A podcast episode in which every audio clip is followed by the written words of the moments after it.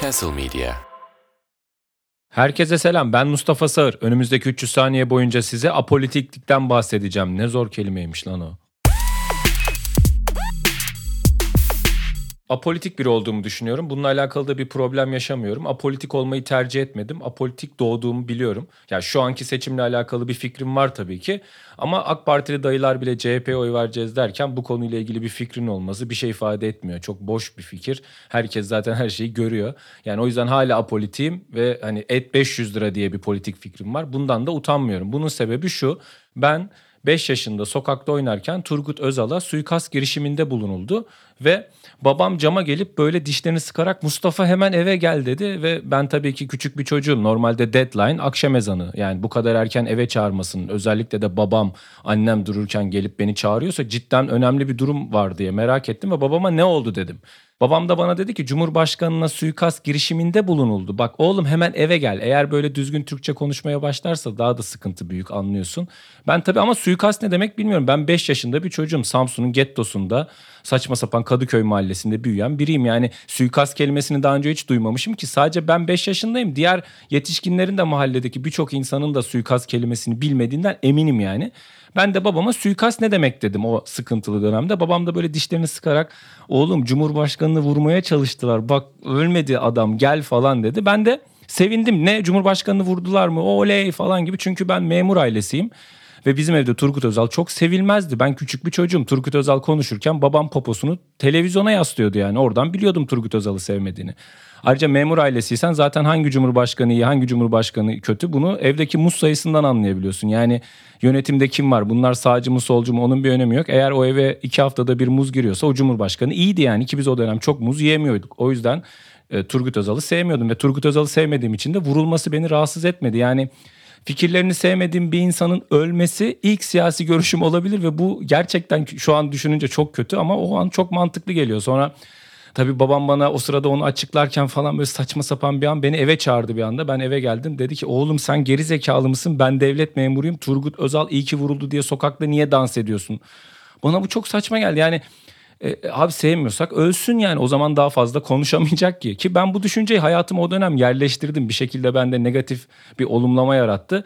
Artık bütün problemlerimi sevmediğim insanların öldüğünü düşünerek çözebiliyordum. Mesela bir gün babama gidip dedim ki baba biz niye fakiriz?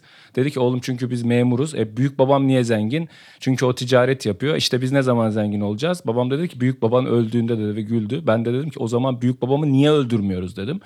Ve adam bir an durdu düşündü biliyor musunuz? Evet mantıklı diyor lan çocuk falan gibi. Çünkü yani o dönemde crime investigation hiç yok yani. Yani sen birini öldürdüğünde seni kimse görmezse seni yakalama ihtimalleri yok. Yani gitsek dedemi öldürsek o cinayet alanında tırnaklarımızı falan kessek bizi yakalayamazlar yani. Manyaklara bak adamı öldürmüşler hem de tırnaklarını kesmişler. Tırnak makası katili diye adımız çıkart. Ya hiç yok DNA yok. Hani ne bileyim retina tarama yok ya öldürdün kurtuldun. Hatta haklı olduğunu ispatlamak istiyorsan işkenceye dayanırsan hani uzun bir süre işkenceye dayanırsa zaten haklı oluyorsun finalde. Yani o haklılık haksızlık öyle bir şey. Bu Galileo'dan beri böyle işte dünya dönmüyor diyeceksin. Tamam oğlum dönüyor da bize mi dönüyor? İşte dönme desene. Ha, iyi tamam dönmüyor. Okey sıkıntı yok yani onların dediğini tekrarlarsan yani bilimsel bir şey yoktu yani öldürsek kurtulurduk. Babam tabii çok sinirlendi dedi. Oğlum sen manyak mısın? Niye bu fikre böyle takıldın? Bu çocuk psikopat olacak falan gibi bayağı üstüme uğraşmışlardı ama yani bu benim siyasi fikir sahibi olmamı etkiledi diyebilirim. Yani bundan sonra ülke ocaklarına katılmıyorsan tamam mı? Bu kafandaki bu fikir çok efektif bir fikir değil etrafımdaki insanların zarar görmesini içselleştirerek neyin doğru neyin yanlış olduğunu bir süre sonra zaten anlayabiliyorsun ama yani bir siyasi fikrinde olmuyor yani ne yazık ki. Ayrıca memur babamın da çok fazla fikri olduğunu düşünmüyorum. Sonuçta uyuşturucu satılan, adam vurulan bir mahallede yaşıyorsun. 5 yaşındasın. Anan baban evde, sokakta oynuyorsun. O sıradaki en büyük tehlike Cumhurbaşkanı'na düzenlenen başarısız suikast girişiminden sonra sokakta yaşanacak e, çatışmalar mı yani? Orada zaten çatışma yaşanıyor yani anladın mı? Onları problem etmiyorsun. İşte babadır yani o an e, birazcık etkilenmiş, endişelenmiş eve çağırdı.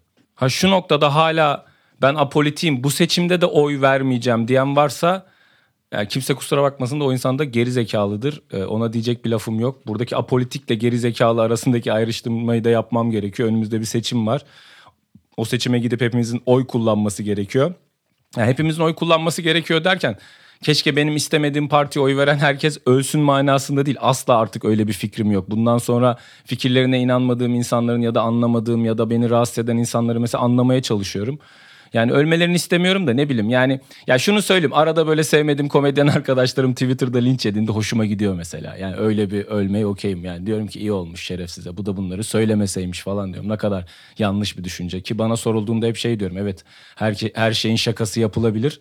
Ama içeride bir yerlerde de daha çok şaka yapsın ki daha çok linç yesin gerizekalı gibi bir altyapısı da olabiliyor. Ama bu duyguyu bildiğim için bununla mücadele ediyorum ve bu duygu sadece içimde muzip bir yerde saçma sapan gerizekalı bir yaşam sürüyor. Beni dinlediğiniz için çok teşekkür ederim. İçimi dökmüş oldum. Eğer siz de apolitikseniz ve bunun sebeplerini merak ediyorsanız bana mustafasegir.gmail.com adresinden bir sonraki bölümde görüşmek üzere.